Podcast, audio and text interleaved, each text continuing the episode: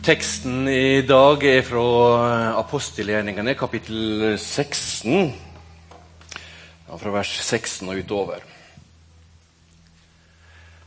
En dag vi var på vei til bønestaden, møtte vi ei slavekvinne som hadde ei spådomsånd i seg.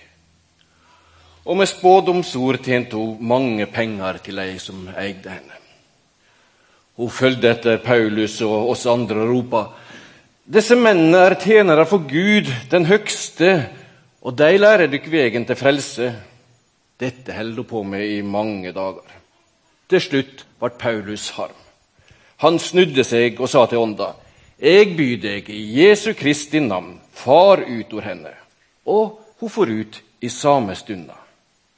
Men da eierne skjøna at det ikke var von om å tjene mer penger på henne, greip de Paulus og Silas og drog dem med seg til styresmaktene på torget.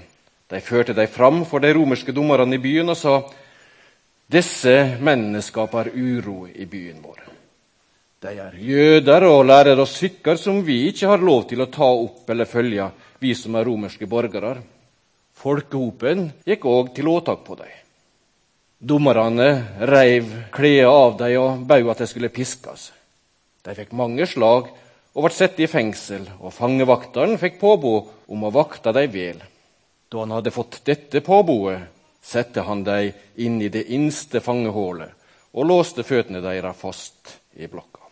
Ved midnattstider holdt Paulus og Silas bønn og sang lovsanger til Gud, og fangene hørte på. Brått kom et sterkt jordskjelv, så grunnvollen til fengselet riste. Med en gang sprang alle dørene opp, og lenkjene losna av alle fangene. Fangevakteren for opp av søvnen, og da han så at fengselsdørene sto åpne, drog han sverdet og ville drepe seg, for han trodde fangene hadde rømt. Men Paulus ropa med høg røyst, Gjør deg ikke noe vondt, vi er her alle. Da ba han om lys og sprang inn og kasta seg skjelvende ned for Paulus og Silas. Og han ledde dem ut og sa, Gode herrer, hva skal jeg gjøre så jeg kan bli frelst? De svarer, Tru på Herren Jesus, så skal du bli frelst, både du og huslyden din. Så taler de Herrens ord til han og alle huset hans. Og i denne sene nattetimen tok han dem med seg og vaska såra deres. Straks etter ble han døypt med alle sine. Siden tok han dem med seg hjem og ga dem mat, og han var hjerteglad fordi han og hele husstanden hans var kommet til tru på Gud. Da det ble dag, sendte dommerne båd med rettstjenerne. Slipp disse mennene fri. Fangevaktene meldte det til Paulus og sa, dommeren har sendt båd om at disse skal slippes fri. Kom nå ut og far bort i fred. Men Paulus sa til dem, Enda vi er romerske borgere, har de uten lov og dom piska oss for øynene på alle og kasta oss i fengsel. Og nå vil de jage oss bort i løgn. Nei, det får sjøl komme og føre oss ut.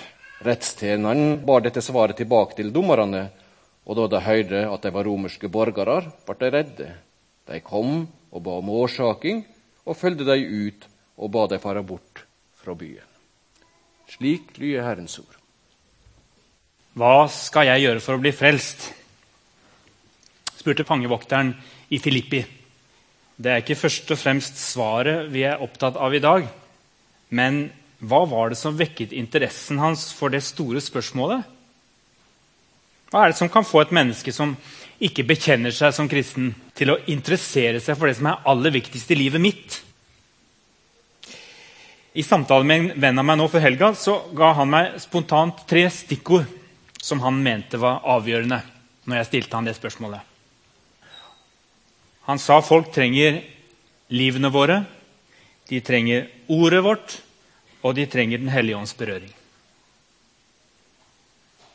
Da kan interessen vekkes. Og så gikk jeg tilbake til historien som vi har hørt lest nå, og så fant jeg at dette stemmer på mange måter med denne fortellingen. Jeg skal komme litt inn på disse tingene underveis. Men hold fast på disse tre stikkordene livet mitt, ordet fra Gud og Den hellige ånd. Men først litt om det som har skjedd rett før den teksten som vi hørte lest i dag. Paulus husker dere, han var en religiøs fanatiker som eh, tidligere forfulgte de kristne. Og han får et personlig møte med den oppstandende Jesus. Livet snus opp ned. Han blir en av de første misjonærene. Han legger ut på misjonsreiser, reiser fra by til by i datidens Asia. Og Så besøker han og oppmuntrer han de som allerede tror på Jesus, og han planter nye menigheter. En av dem som er med ham på den reisen, heter Silas. Og Så står det da i vers 6 i det samme kapittel 16, apostelgjerningene Den hellige ånd hindret dem i å forkynne ordet i Asia. Derfor fortsatte de.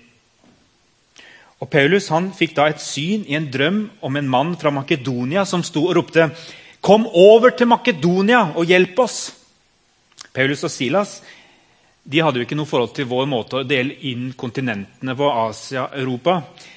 Men det er vanlig å si at disse to, da de dro til Filippi i Makedonia, da kom evangeliet om Jesus til Europa for aller første gang. Derfor er det liksom symbolsk sterkt, opplever jeg, dette med at de kommer til Filippi, de kommer til Europa, til vårt kontinent. For meg så kan det se ut som at Europa trenger misjonærer fra andre kontinenter mer enn noen gang. På en måte så er vi tilbake der vi var. Etter å ha vært et såkalt kristen kontinent i mange århundrer. Vi har mye å være stolte av i Europa. Kultur, verdier og en velferd som mange misunner oss. Men vi er også et kontinent der sekularisering, materialisme, er i ferd med å gjøre rommet for å tro på Gud og hans kraft bare mindre og mindre. Migrasjon, som vi hører mye om nesten hver gang vi slår på nyhetene, så handler det om innvandring og utfordringer knyttet til innvandring. Migrasjon det har alltid i alle tider vært en av de viktigste faktorene i religiøs ekspansjon. Spesielt for kristne. Oldkirkens vekst den handla i stor grad om handelsfolk. Folk på reise, migranter eller forfulgte kristne som måtte dra og måtte reise og tok med seg troen på veien. Og Nå ser vi noe av det samme skje igjen. Altså, det er litt fascinerende med denne teksten i utgangspunktet, som også ble påpekt her i begynnelsen. At det er han som sto på utsiden og voktet fangene, som spør hva skal jeg gjøre for å bli fri? Av og til så tenker jeg litt på, sånn, på, på utsiden, på overfladen, så kan det virke som om vi som bor i Europa, og spesielt i Norge, vi er de som står på utsiden og ser inn på de som lider og som har det vanskelig i verden. Eh, vi har jo alt vi trenger. Vi har makta, vi har rikdommen, vi har godene. Vi styrer på mange måter eh, verden. Og så skjer kanskje det i noens menneskers liv at de oppdager hvordan de egentlig har det. Og Jeg skulle ønske at så langt flere oppdaget egentlig at det er vi som står og ser på de menneskene som egentlig lever friheten. Jeg skal komme litt inn på det.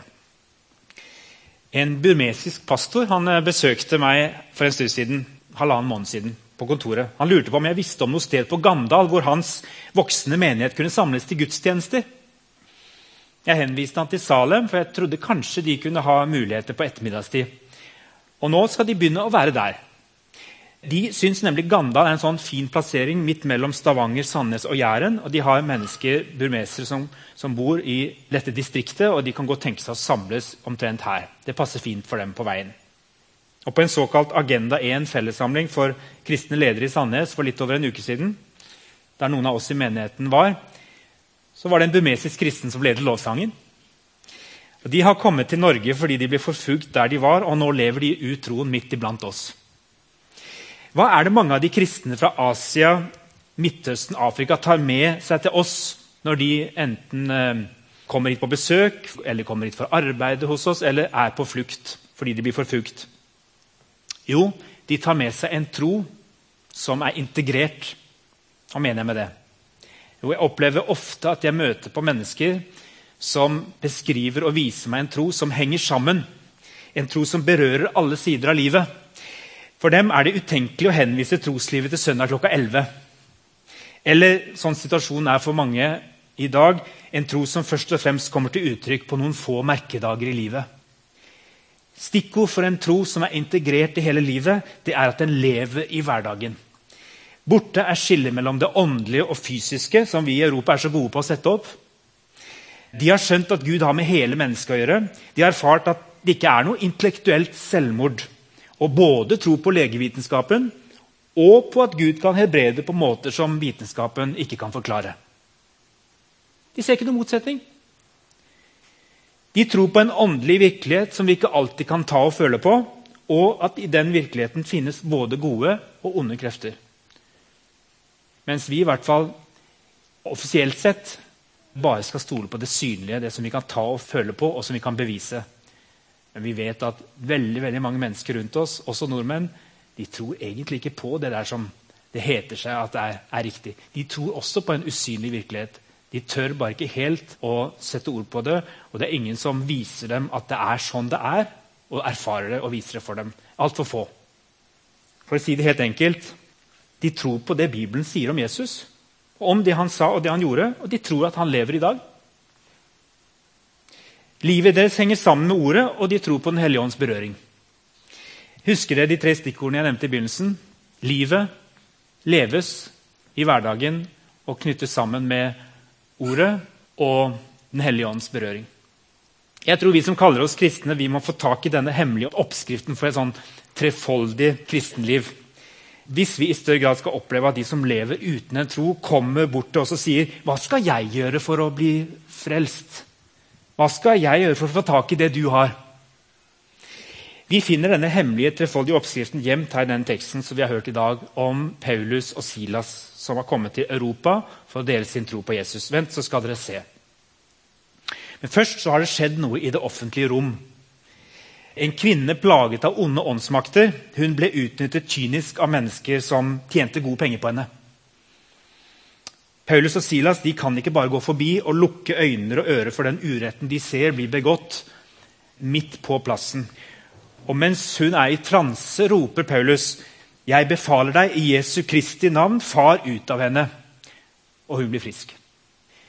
Men derfor blir hun også verdiløs for de som eide henne som tjente penger på henne. Og Paulus og Silas de har da blandet seg inn i den religiøse, økonomiske orden i byen Filippi, og de blir satt i fengsel. Se for dere at de sitter der i det mørke fangehullet. Sannsynligvis festet med kjettinger på hender og føtter. Hadde jeg vært Silas, så hadde jeg i fortvilelse begynt å diskutere med Paulus. Altså, det er sånn jeg gjør når jeg er litt pressa, når jeg ikke har full oversikt, så begynner jeg på en måte å komme litt med anklager til de nærmeste rundt meg. Jeg kunne sikkert ha sagt noe sånt som Hvorfor måtte du blande deg inn i det der, Paulus? Du vet jo at vi må være forsiktige med hva vi sier og gjør i det offentlige rom. Vi må ikke provosere unødig. Nå sitter vi her i fengsel på ubestemt tid. Har du noen plan, eller? Det kan jo hende de både tenkte og sa sånne ting til hverandre i begynnelsen. Det som i alle fall er sikkert, det er at livet har truffet Paulus og Silas ganske hardt. Og Da er det store spørsmålet har Gud noe med det å gjøre. Jo, Tydeligvis så finner de ut at det eneste de kan gjøre, det er å venne seg til Gud i bønn. Og de begynner å synge lovsanger. Ja, altså, De synger ikke sånn med armene, for de satt sannsynligvis festet til noen kjettinger både med hender og føtter. Og de sang så godt de kunne. Men jeg har spekulert litt i dette som de gjorde når de ba og sang. Hva var det de holdt på med? Altså, De gjør veldig mye av det som de går i Jesu fotspor. Og Hvis dere husker hva Jesus gjorde når han ba og kanskje også sang, så brukte han Guds ord. Han brukte Salmenes bok. Det står flere steder, og det står spesielt når han henger på korset, så er det tydelig at han bruker Salmenes bok. Sannsynligvis ikke bare enkeltvers, men kanskje har han sitert eller bedt hele Salme 22. Og Det spesielle med Salmenes bok det er at det er litt av det samme som jeg sier, de lager ikke sånne tette skott. Nei, der kommer klage, nød og fortvilelse, og så plutselig går det over i tilbedelse og lovsang. Å Gud, du er mektig, du løser livets vanskeligheter. Det henger liksom sammen. Jeg vil påstå at det er lovsanger alt sammen. Kanskje var det f.eks. Salme 73. De eh, begynte å be høyt sammen. De har sikkert bedt frie bønner òg, men jeg tror også de har brukt Guds ord. Når de blir enige om at nei, nå må vi slutte å anklage hverandre for det som skjedde her i stad. Det er jo bare én løsning. Se for meg kanskje at Paulus har sagt Silas, ja, kanskje jeg ikke skulle gjort det jeg gjorde. Men ok, hva gjør vi nå? Her sitter vi.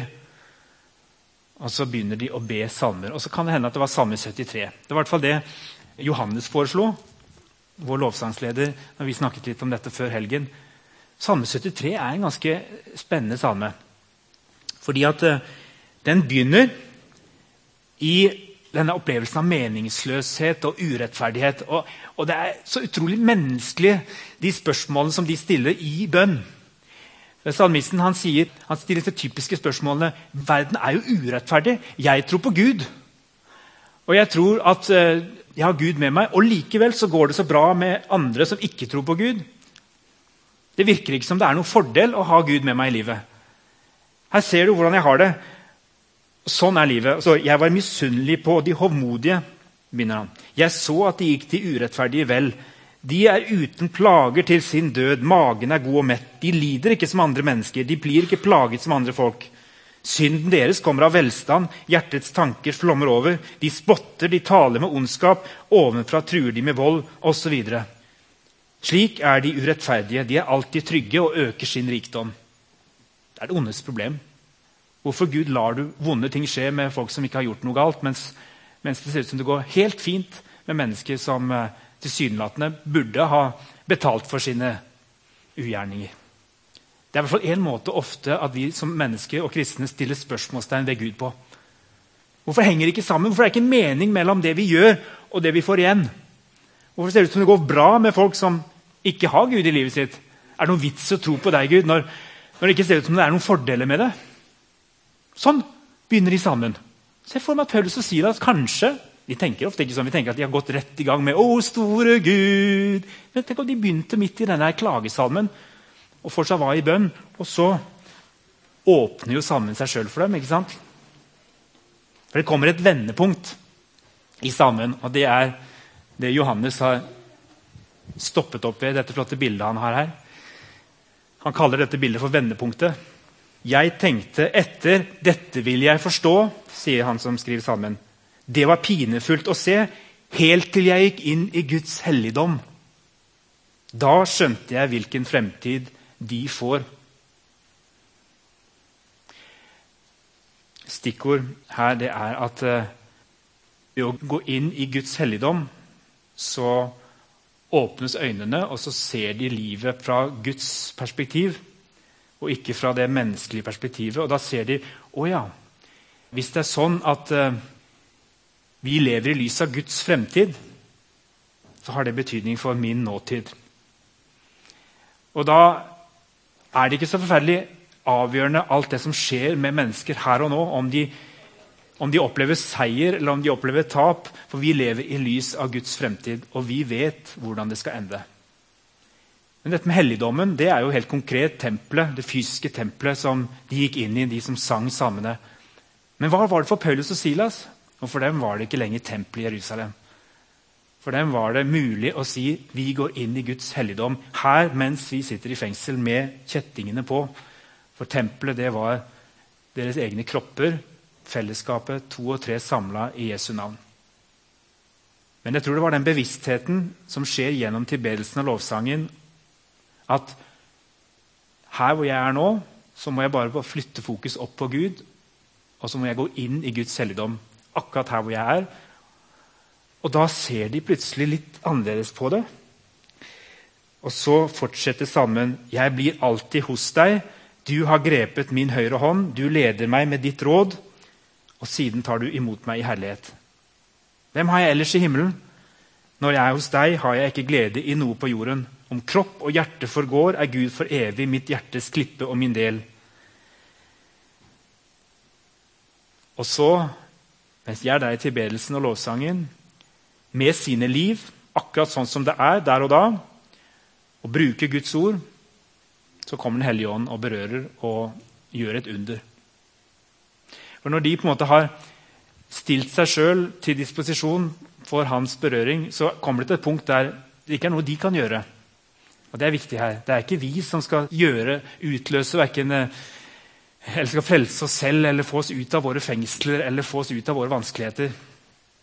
Og det er ikke vi som kan få en fangevokter til å komme og spørre hva skal til for at jeg skal bli frelst. Det er det bare Den hellige ånd som kan gjøre. Men det var dette med å leve livet og la alt henge sammen, og ikke bare plassere troen i et uh, lite rom søndag klokka 11, men å våge midt i den situasjonen som de var i, å gå inn i helligdommen akkurat der. Og så bryter Den hellige ånd gjennom.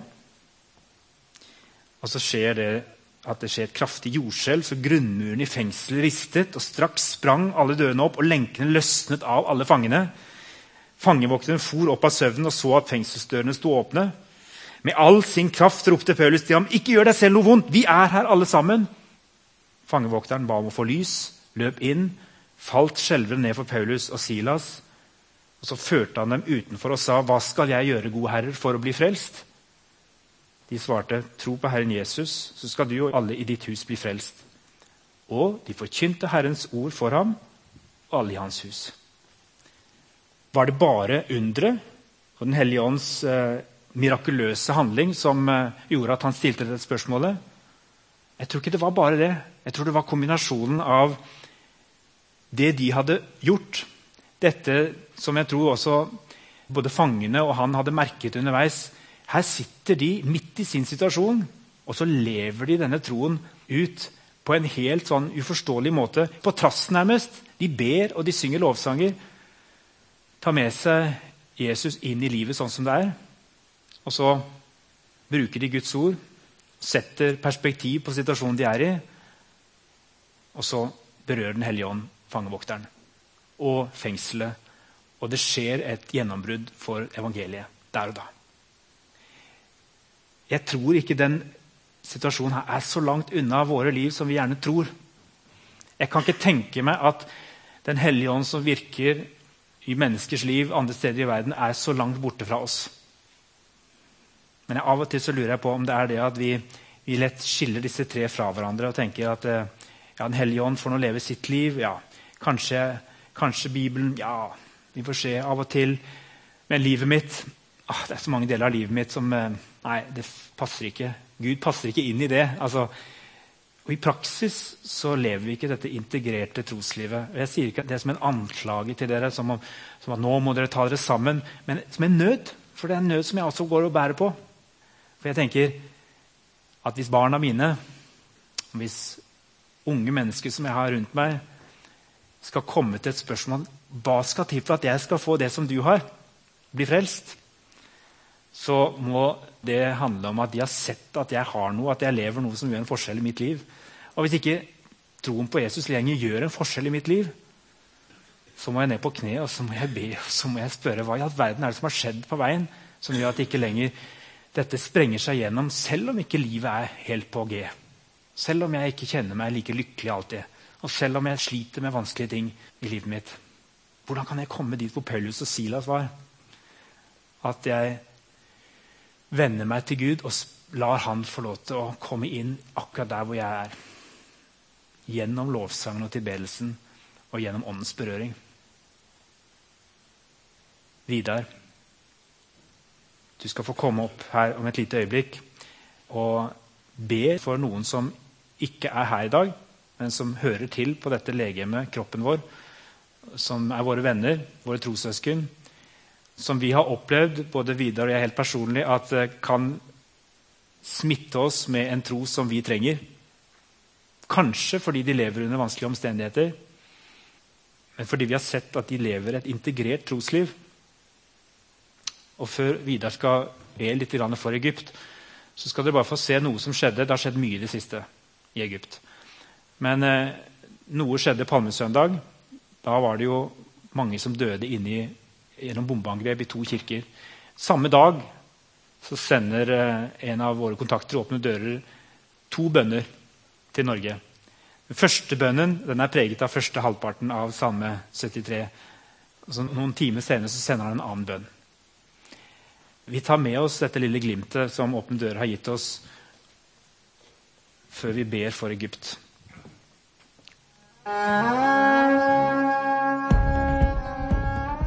Jeg har lyst til å begynne med å lese opp en melding som vi fikk fra en av våre medarbeidere i Egypt på palmesøndag. Først så kom denne meldinga her, og den er oversatt til norsk. da. Min sjel er bitter, og min ånd gråter i smerte og pine. Herre, se i nåde til Egypt. Herre, avdekk de mørke kreftene av bedrag og vondskap, og kom med ditt lys. Herre, se til dine barn, og hjelp oss å stå faste i troen og holde motet oppe. Må ditt navn bli herliggjort også midt i død, smerte og ødeleggelse. Noen timer seinere kom det en ny melding, og den lyder sånn. Vi elsker Egypt. Vi vil ikke forlate vårt land. Vi vil stå imot fryktens ånd i kraft av Hans kjærlighet. Vi vil fylle kirkene også denne påsken og tilbe i Jesu navn. Vi vil la lyset skinne i hver gate, bygd og by lyset han ved sin nåde har tent.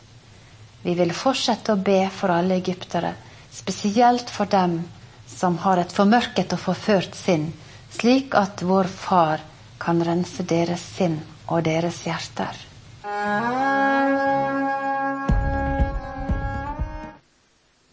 er glad for det at vi kan ha litt fokus på Egypt i dag òg. Jeg, eh, jeg, har vel ikke kommet 100 hjem igjen etter vi var der. Ganske enkelt fordi at det skjer så masse. Jeg har fulgt litt med i, på nettet og ting har fått høre fra andre. Der eh, Bare etter vi var der, eh, det har vært utrensking av kristne i en by i Sinai. Det har vært flere bortføringer av unge jenter. Vi hadde jo disse hendelsene i påsken. Og vi hadde nå sist en uh, hendelse med de bussene som sikkert alle har hørt om. Jeg fikk over fra Vidar en hilsen fra biskopen i Agder. Han hadde vært der nå for en uke siden. Og biskop Thomas hadde fortalt at eh, disse som hadde vært til stede der, sa at de, de ble kalt fram én og én og bedt om å fornekte Jesus. Og så ble den personen skutt. Mens alle så på, så ropte de fram neste. Og så sier han etterpå at eh, hele kirka vår sørger over dem, men vi er veldig stolte av at våre kristne sto helt inn i døden. Og Det gir oss et litt perspektiv over det som skjer. Og vi kan ikke tillate oss å glemme det. Hvis du ikke vil bli berørt, hvis du vil sove godt om natta, så la være å ta til deg informasjon. Men det er klart at når en er borti det, så blir en jo egentlig motsatt berørt. Jeg har pløyd gjennom en hel del bøker etter vi kom hjem, og bildet blir bare voldsomt mye større. Voldsomt mye mer tragisk, men med nøden og ønsket om å gjøre noe for dem blir òg veldig mye større. Vi har en bok om Nama Maggie, biografi. Den leste jeg i påsken. Den kan jeg anbefale at alle som er interessert. For det at samtidig som det er en fin biografi om henne, så tar den med oss helt ifra begynnelsen av 1900-tallet. Så får vi et innblikk i hvorfor det er sånn som det er nå. Med brorskapet og de forskjellige politiske utviklingene som har gjort og ført fram til den situasjonen som er i dag, med den forfølgelsen av kristne. Så for de som eh, har lyst til å sette seg inn i det, begynn med den. Den er veldig bra.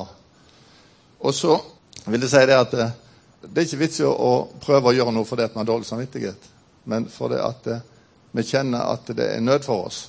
Det bør jo føre en nød til oss til å leve nær Jesus, slik at det òg reflekterer i våre liv, sånn som Vidar sa i sted. At han er der i alle sammenhenger. Samtidig så er det knytta til med det med Egypt. Vi var en del som hadde et møte med han broder Mikael, som var referert disse bøndene som de hadde fått fra Egypt for ikke så lenge siden. Og han viste oss mye av det som vi har sett her, og mye mer. Men så snudde han det til slutt over på at vi måtte få med oss eh, det som skjer. For han sa det skjer en vekst. Vi er ikke sikre på om de ville blitt befridd for alt det som de har vært igjennom hvis de kunne. For det at kirka vokser. Og kjennetegnet på de som blir forfulgt, er at de elsker Jesus. Skal vi be for Egypt? Kjære himmelske Far, takk for det at vi kan samle her, få lov til å komme fram for deg og be for brødre og søstre.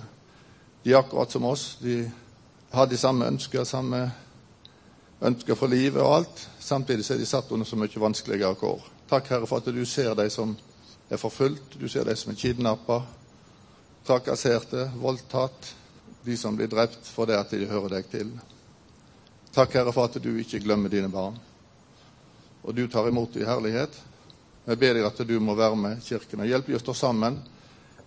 Hjelp dem å stå i troen og være fast i troen, Herre. Og hjelper du oss til å i våre bønner være med og be for dem. Hjelp oss å ha en sånn tro på bønn at vi tror at det, det vi ber om for deg, Herre, det hører du, og du overfører dette til de som trenger våre bønner. Kjære himmelske Far, vi ber deg velsign de kristne i Egypt. Amen.